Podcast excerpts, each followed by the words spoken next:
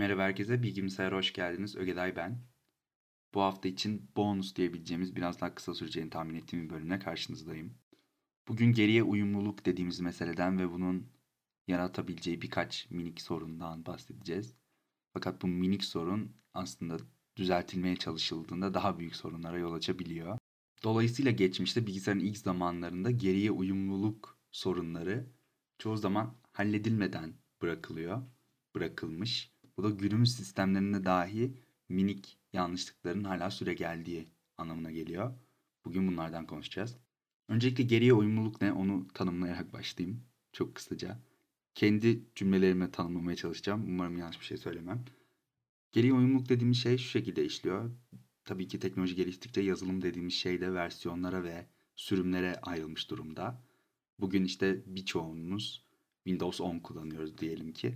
Windows 7 için geliştirilmiş bir uygulamanın da Windows 10'da çalışabilmesini sağlayan, sağlayan düzene ve bu düzenin oluşturduğu kültür diyebiliriz buna. Yani hem geliştiricinin buna katkı sağlaması sonucunda hem de Windows 10 yazılımını geliştiren Microsoft'un buna katkı sağlaması sonucunda oluşmuş bir ortak payda aslında.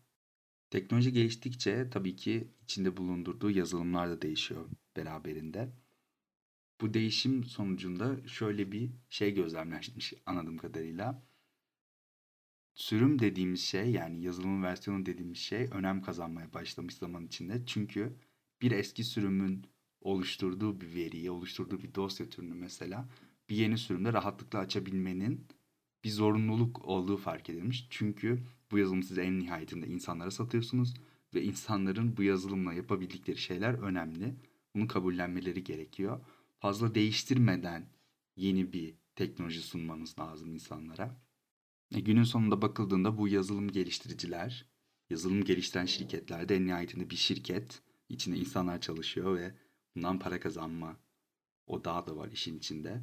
Dolayısıyla biraz pazarlama endişelerinde beraberinde getirerek adımlar atılmaya başlanıyor.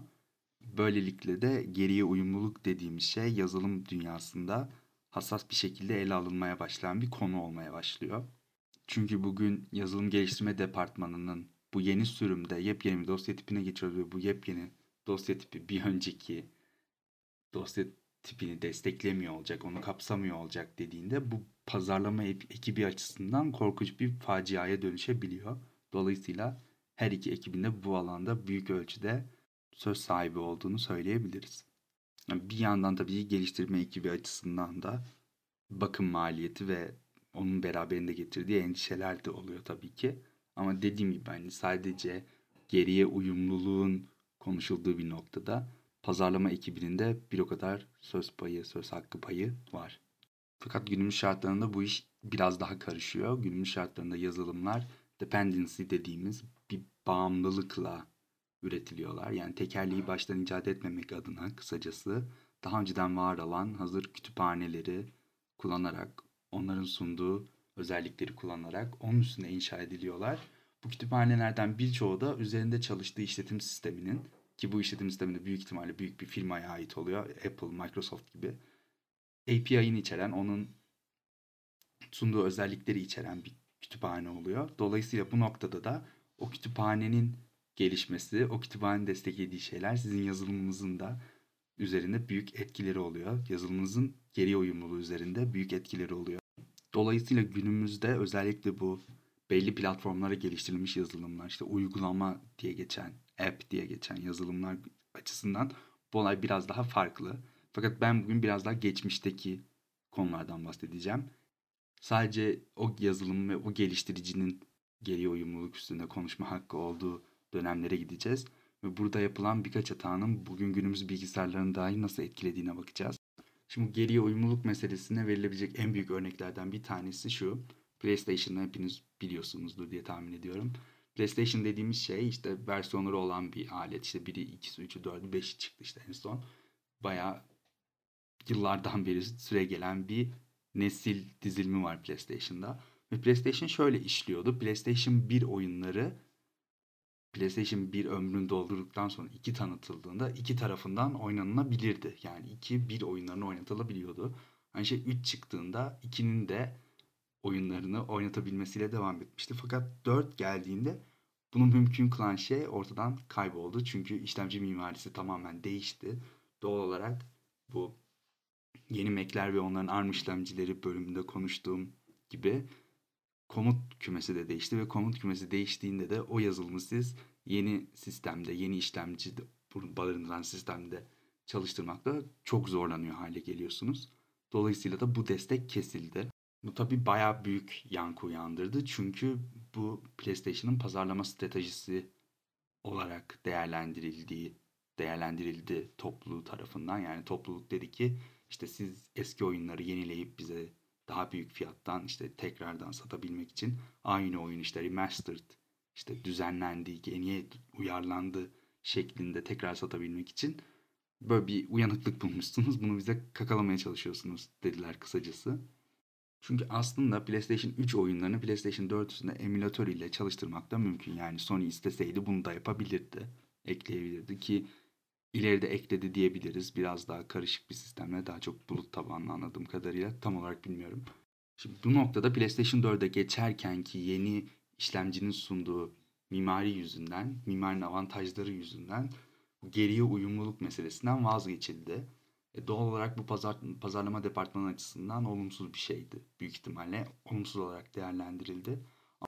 Ama artık günümüzde gerçekten iyi bir avantaj olan bir teknolojiye adapte olmak istiyorsanız bazı şeyleri feda etmeniz gerekiyor. Bunlardan bir tanesi de geriye uyumluluk olmuştu büyük ihtimalle PlayStation için.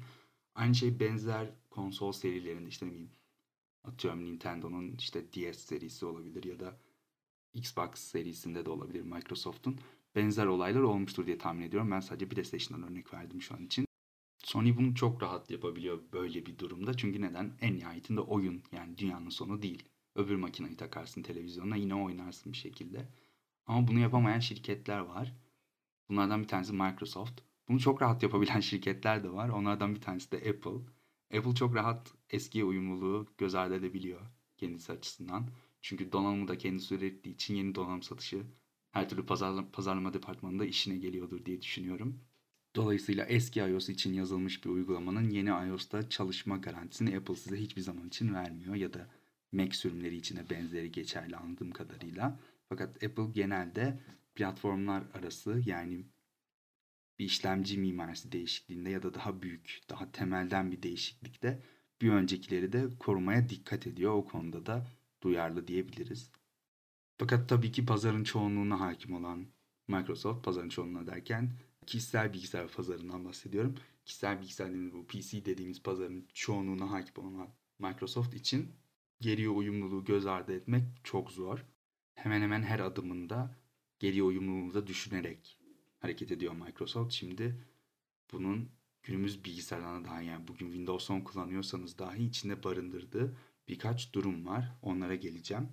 Bunlardan ilki dosya sisteminde geçerli. Dosya sisteminde hala belli rezerve kelimeleri dosya ismi vermek amaçlı kullanamıyorsunuz. Bu rezerve kelimeler genelde Microsoft'un DOS zamanlarından yani bu ilk işletim sistemleri işte siyah ekran üstüne bir komut satırında yazı yazan işletim sistemleri 80 85'ler falan sanırım. O dönemlerde kullanılan komutları bazı belli başlı komutları bugün hala günümüz işte en güncel Windows'unu kullanıyor olsanız dahi dosya ismi, ismi vermek amaçlı kullanamıyorsunuz. Mesela denemek isterseniz con denen komutu deneyebilirsiniz con.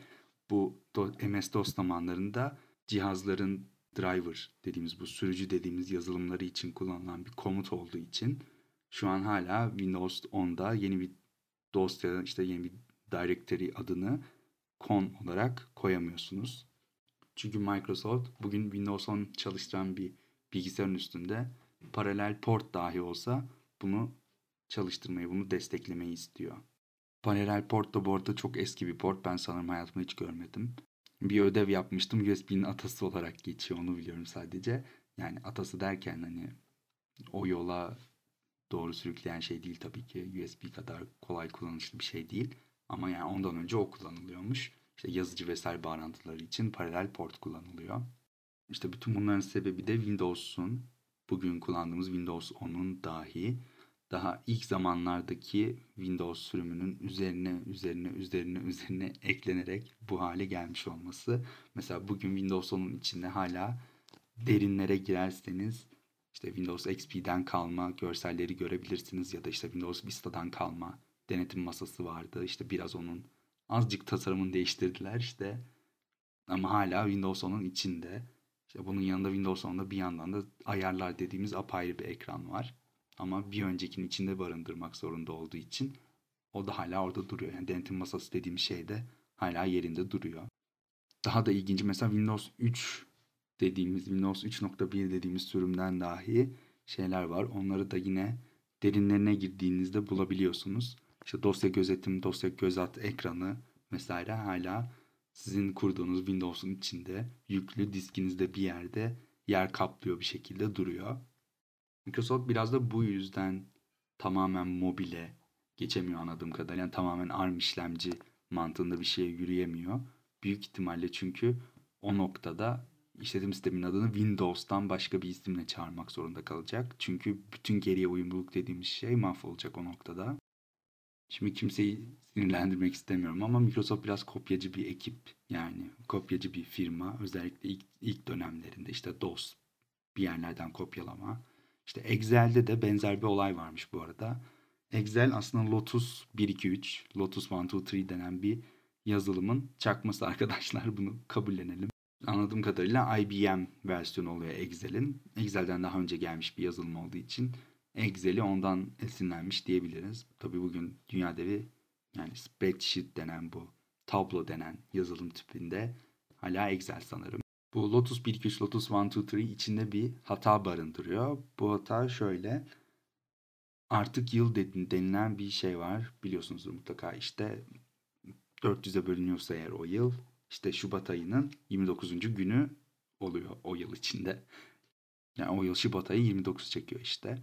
Bu Lotus'un içindeki hata da şu şekilde 29 Şubat 1900 diye bir tarih olduğunu düşünüyor Lotus. Çünkü içinde bir hata var ve 1900 çok geç bir tarih olduğu için büyük ihtimalle bir yerlerde bir hata sonucunda bu kalmış orada.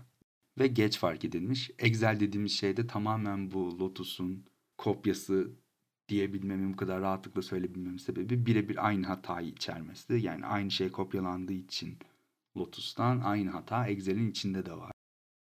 1900 yılı bir artık yıl ol- olmamasına rağmen 29 Şubat 1900'ü geçerli bir tarih olarak kabul ediyor Excel. Ve bu geriye uyumluluk dediğimiz şey yüzünden Excel bugün hala bu tarihi geçerli bir tarih olarak kabul ediyor. En yeni dosya formatında kay- kabul ediyor mu bilmiyorum ama şu Excel S denen formatta sanırım kabul ediyor. Aslında hemen deneyebilirdim bunu ama şu an uğraşmak istemiyorum. Siz denerseniz bana iletin eğer denediyseniz. Fakat bugün bunu Microsoft hala değiştiremiyor. Çünkü tabii bunu çok daha önceden fark etmişlerdir. Bugün fark edilen bir şey değil. Belki işte bilmiyorum bir yıl sonra fark edilmiştir belki de böyle bir hata. Ama değiştirememişler çünkü çok önemli tablolar var bu sistem üstünde çalışan ve belki de bu tarihin değişikliği o tabloların bozulmasından yol açacak. Belki çok hayati önemi olan tablolar bile olabilir. E, doğal olarak geriye uyumlulukta dahi olsa bu hatayı düzeltmiyorlar. Hatta Microsoft'un dokümantasyonlarının içinde de bunun bir hata olduğu ama Excel tarafından doğru kabul edildiği yazıyormuş. Geriye uyumluluk kullanıcıya bir avantaj sağladığı sürece tatlı bir şey. Yazılım geliştirici açısındansa dediğim gibi çok daha dikkatli ele alınması gereken bir şey. Ama tatsızlıklar çıkardığı da oluyor mu? Olmuyor mu? Oluyor işte gördüğümüz üzere. Hani çok büyük bir problem mi? Hayır değil ama en günceli yakalamak açısından sıkıntılar çıkarabilecek bir durum olduğu kesin. Yani bu bölümden de bu kadardı. Dediğim gibi birazcık daha kısa olacağını düşünüyordum başta. Öyle olmadı. Yine çok konuştum. Çok hazırlıklı olduğum bir bölüm değil. Bunu itiraf edeyim. Biraz yoğundum o yüzden çok hazırlanarak yapmadım. Biraz daha zaten bildiğim şeylerdi bunlar. Onun üstüne konuşmaya çalıştım. Dinlediğiniz için çok teşekkür ederim. Bu bölümden bu kadardı. Bana bilgimsayar pod Instagram kullanıcı adım. Oradan ulaşabilirsiniz. Aynı zamanda bilgimsayar.com'dan da ulaşabilirsiniz. Kendinize çok iyi bakın. Hoşçakalın.